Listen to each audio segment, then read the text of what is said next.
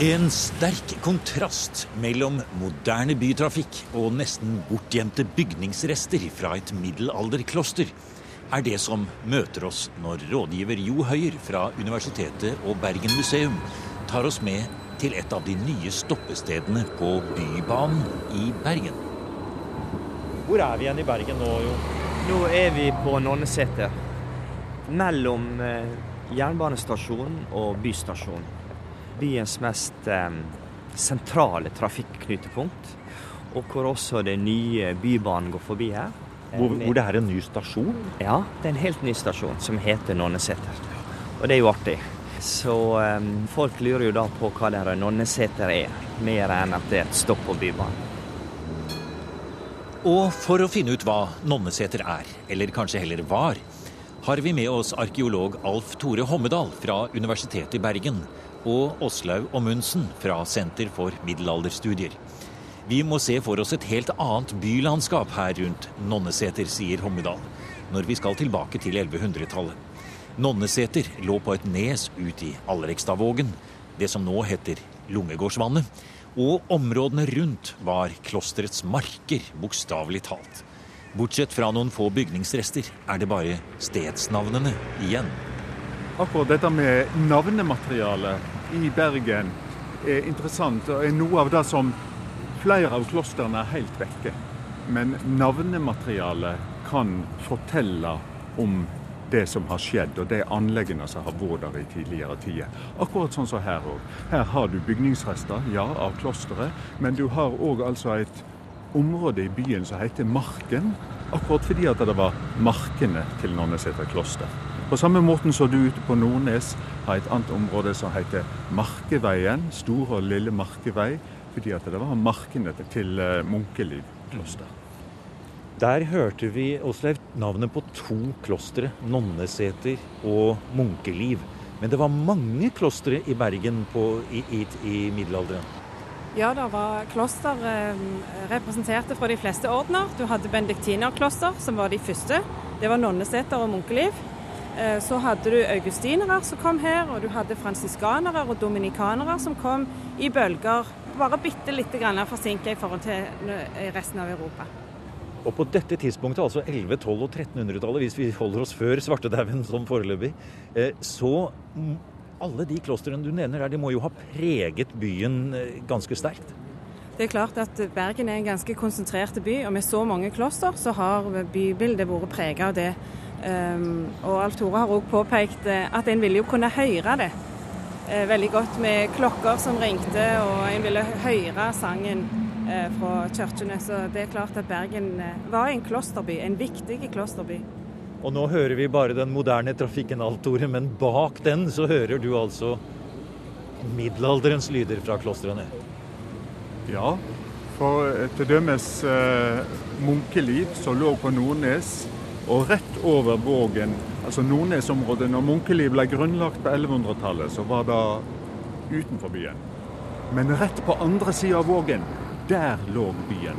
Det betyr at bybefolkningen, sjauerne på kaien, hva hadde de rett framfor seg på andre sida av Vågen? Jau, på toppen av Nordnesryggen, der trona Munkeliv kloster. De har sett det hele tida i sitt daglige virke, og de har det.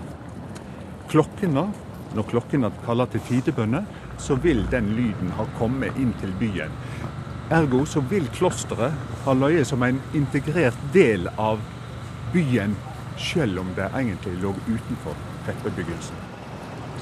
Klosteret er jo vårt knutepunkt mot Europa historisk, og vi står jo på trafikknutepunkt. Når vi ser rundt oss her, så ser vi jo også andre institusjoner som er interessant knytta til kunst og kultur. Her er Kunsthåndverksskolen, og ikke minst det store, flotte biblioteket som ligger bak her. Så eh, hentydning til, eh, tilbake til eh, Nonneseter og klosterlivet i Bergen er veldig tydelig i dag. Du ser fortsatt sammenhengen med kloster og kunnskap. Den ligger fremdeles ja, Som jo er tittelen på et stort prosjekt dere har på Middelaldersenteret. Ja, nå går vi bortover til eh, stoppestedet, og jeg har veldig lyst til eh, at vi skal gå opp og se gjennom døra her. For her ser vi nå en av de få gjenværende bygningene fra Nonneseterklosteret. Dette er vel egentlig en inngang til en kirke som en gang har vært her.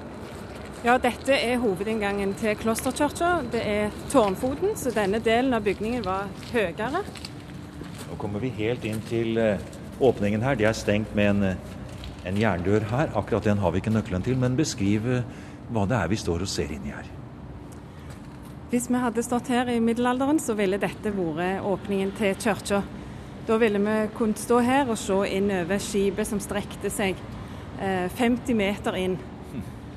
Nå ser vi, vi ser fremdeles de flotte buene, og steinene er vel ikke akkurat så dekorerte, men det er i alle fall profiler på dem. Og med kalka vegger. Mm. Det vil det òg vært. Men det er da et relativt lite rom i forhold til den kirka som, som strekte seg innover herifra.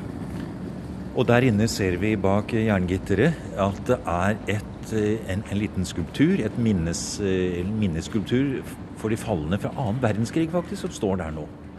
Ja, og det er jo en ganske passende bruk. Eh, en får jo eh, en følelse av at det er noe sakralt her. Det er fremdeles noe litt hellig over denne plassen, selv om det er midt i trafikken eh, her i Bergen.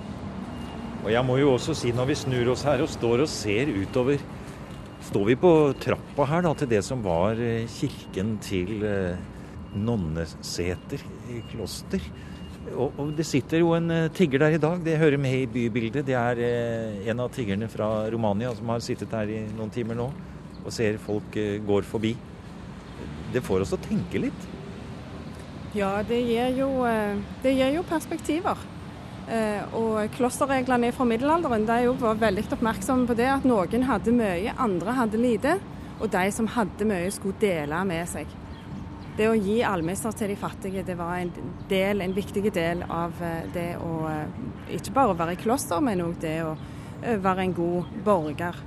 På vår vandring rundt Nonneseter stasjon på Bybanen i Bergen forteller Åslaug Ommundsen og Alf Tore Hommedal om restene av middelalderklosteret som lå her helt fra tidlig 1100-tall og fram til Vincents lunge og reformasjonen bokstavelig talt rev ned det meste av klosterets bygninger. Men her, klemt inn mellom kjøpesenter, bybane, stasjon og trafikkerte gater, ser vi ennå litt av anlegget hvor nonnene hadde sitt sete, sitt sancta sedis, som det het på latin om Mariaklosteret og som altså ikke har noe som helst med det norske ordet seter å gjøre. Faktum er, sier Hommedal og viser til bygningsarkeolog Hans Emil Idén, så kan den kvadratiske tårnfoten på snaue ni ganger ni meter være blant Bergens aller eldste bygninger. Det kan være den eldste. Eh, tradisjonelt så eller vi tenker jo eh, at det er Mariakirka som er den eldste bygningen i Bergen. Bevarte stående bygningen i Bergen. Eh, oppført 11-40 eh, pluss-minus. Eh, men det kan faktisk være at eh, tårnfoten i Nonneseter kloster er like gammel, om ikke eldre. Det er et annet interessant trekk med tårnfoten. Og det er at eh, bygningsdetaljer, bl.a. sokkelen, tyder på at tårnfoten opprinnelig er bygd som en selvstendig eining. Da er det nærliggende å tenke at eh, den er bygd i tilknytning til ei kirke i tre.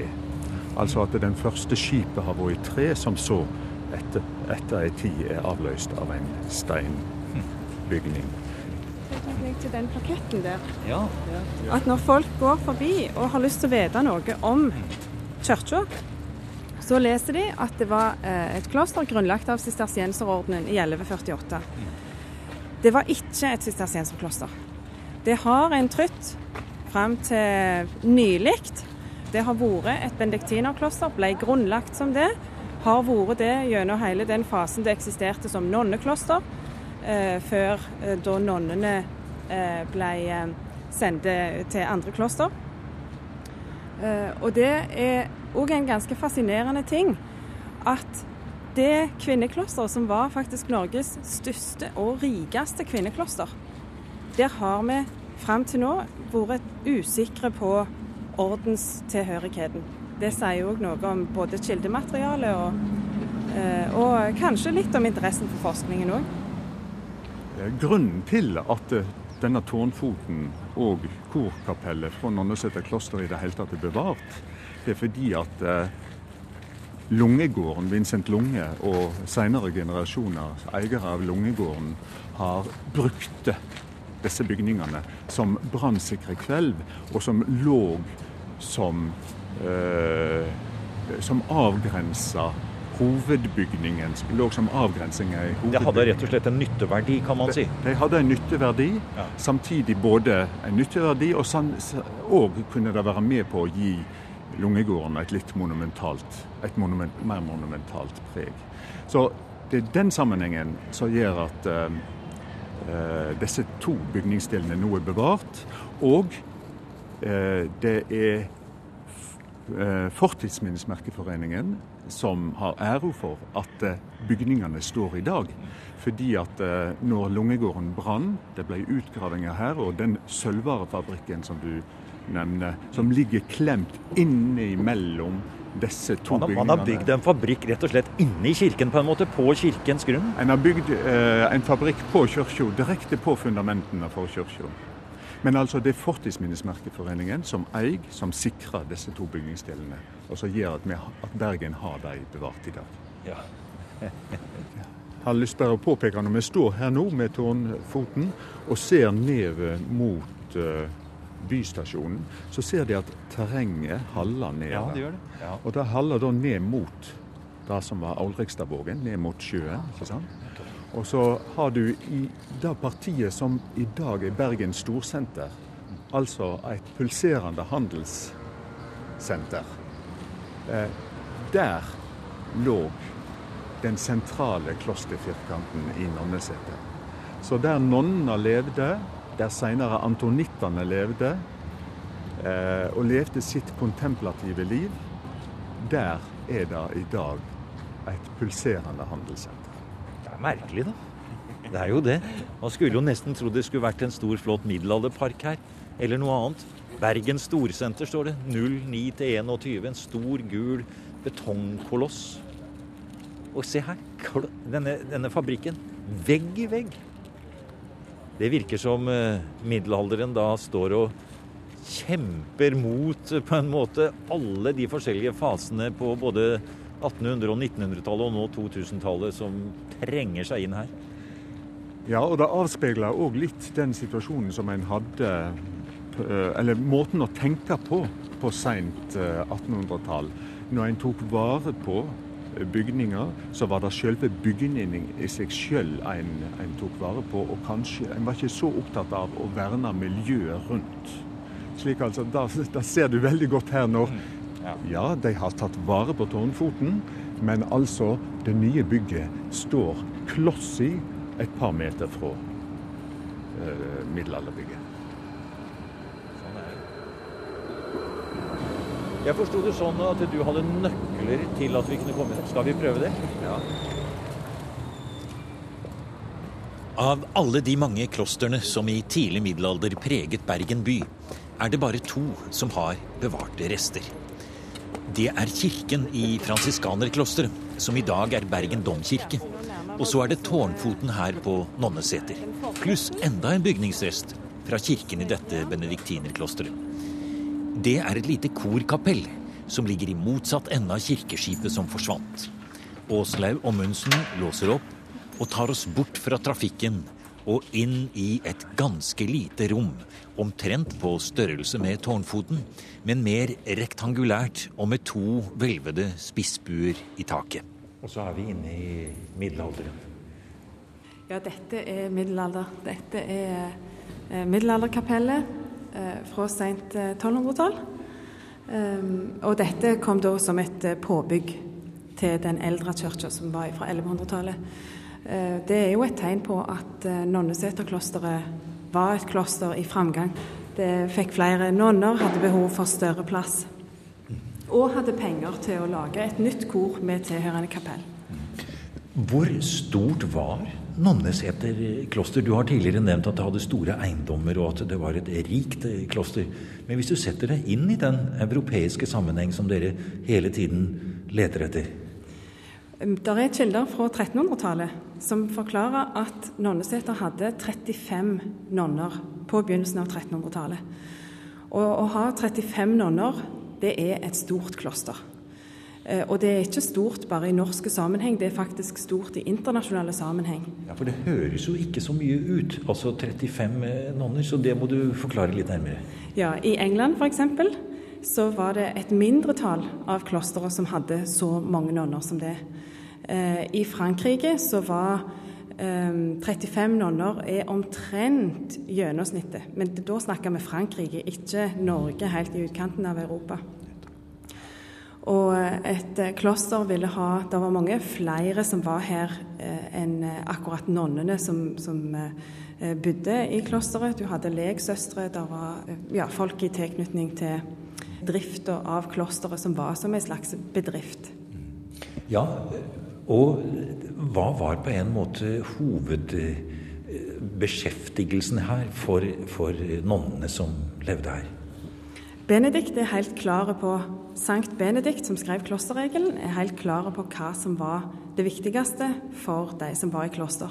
Det var å be tidebønner og holde eh, si, kontakten åpen eh, til Gud med å be tidebønner sju ganger til dagen og én gang om natta.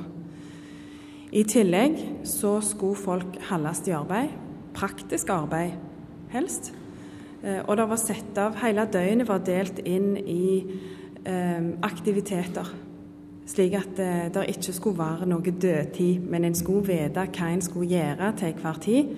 Eh, fordi lediggang, som Bendik sier, er sjelens fiende.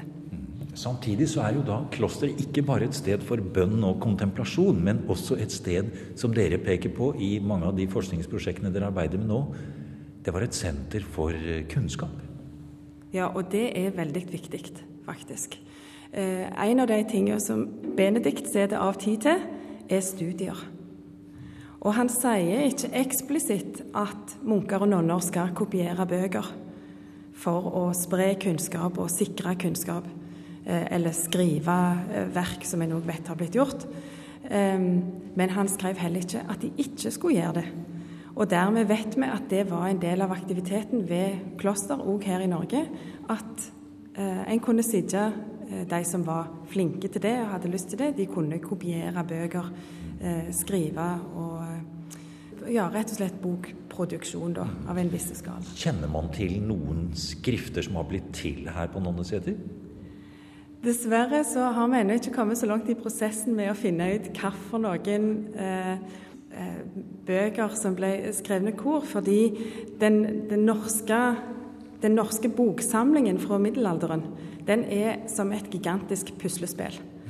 Eh, de aller fleste bøkene har vi kun beder igjen av. Så vi har omtrent 6500 eh, små puslebeder som vi skal prøve å pusle sammen til 1000 bøker. I enkelte tilfeller så kan vi argumentere for at noen fragmenter kommer fra en bok som må ha blitt til i et bestemt kloster, f.eks. Men det er sjeldent.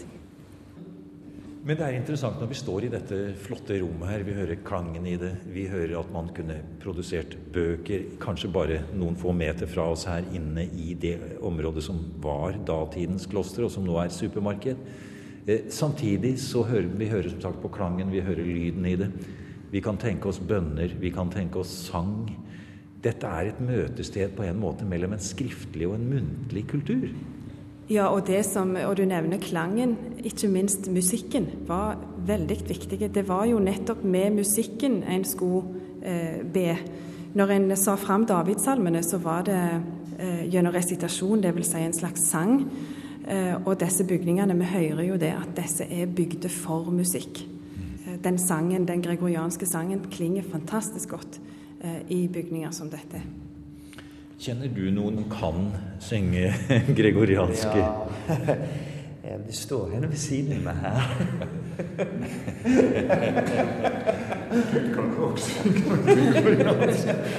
Går, går det an å spørre om dere kan gi en liten prøve på hvordan det kunne låte her? Ja, ja. Da får, da får Åslaug så får jeg illudere. Og verken Alf Tore Hummeland eller Åslaug Ommundsen er vonde å be når det gjelder gregoriansk sang. Det er en del av middelalderens kunst og kultur de begge kjenner godt.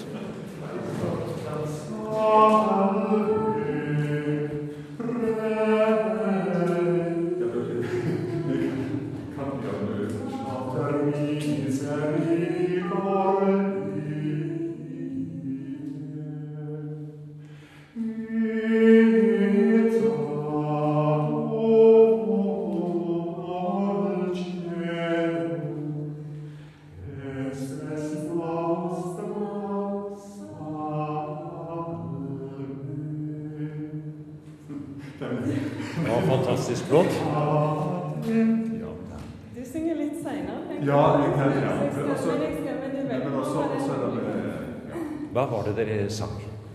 et, eh, Vi sang eh, litt fra et Salve Regina, altså Vær helsa dronning. Eh, en eh, eh, ja, En hva blir det? En antifon? antifon som, skal, som blir sunget i påsketida. Ifra- Den skal synges ifra påske og framover. Men det kan ha vært eh, en sånn klang som dette kanskje da i dette rommet. Ja, det, det har det vært. Og akkurat Salve Regina, den har nok eh, lydd her eh, tidligere òg. nesten daglig. da? Men vi kan òg tenke det at eh, egentlig så kan vi stå her og lytte til at eh, nonna synger Salve Regina gjennom den døråpningen der. For hvis du ser denne døråpningen her, hvis du ser sokkelen Ja, nede, altså døråpningen som nå står i den gjenmurte døråpningen som står under nordmuren, den er altså ført ifra dette korkapellet og inn i nonna sitt kor.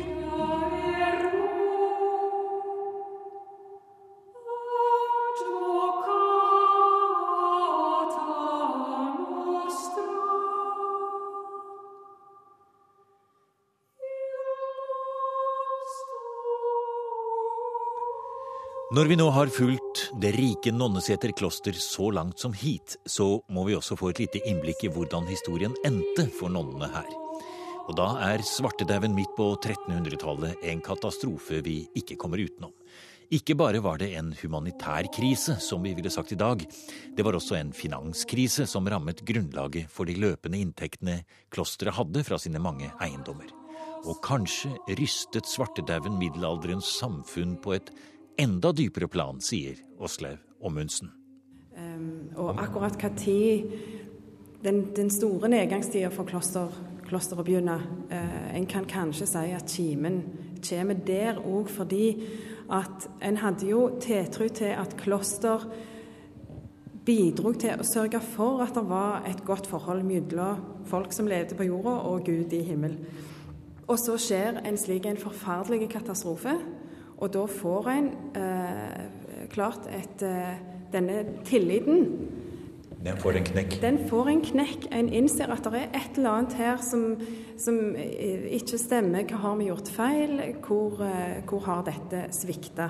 Fordi en vil jo lete etter forklaringer. Og en vil prøve å sørge for at dette, dette ikke skjer igjen. Og tvert imot så kom det jo stadige bølger med pest utover på 1300-tallet og 1400-tallet som gjorde at en ble veldig usikker. Men for nonnene sin del så var Og det er på en måte et litt sånn trist endelig eh, nonnene her i Nonneseter fikk. Eh, fordi at på eh, 1400-tallet så eh, ble det færre nonner her. Det var slutt på den veksten som vi ser disse resultatene av her, som vi går rundt i her. Det var færre nonner. Munkeliv kloster på Nordnes, det brant. De trong desperat penger. De henvendte seg til kongen, kong Kristian 1., som bestemte at Nonneseter kloster, der var det bare noen få nonner igjen.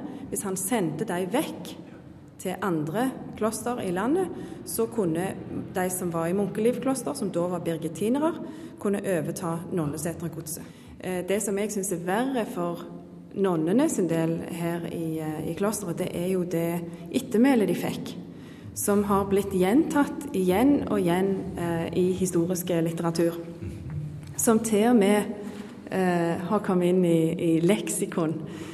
At de ble sendt ut av klosteret her fordi eh, de eh, hadde et eh, slett levned.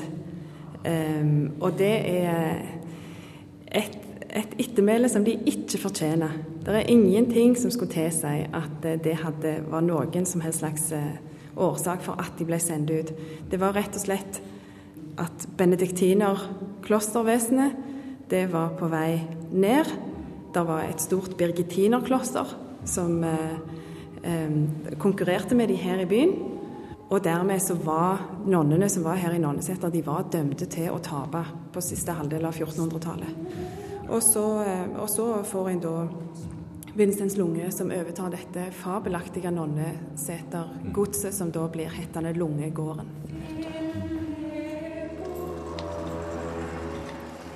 Du har nå hørt programmet Museum som podkast fra NRK. Museum sendes i NRK P2 på lørdager og søndager. Du finner flere programmer på nrk.no podkast.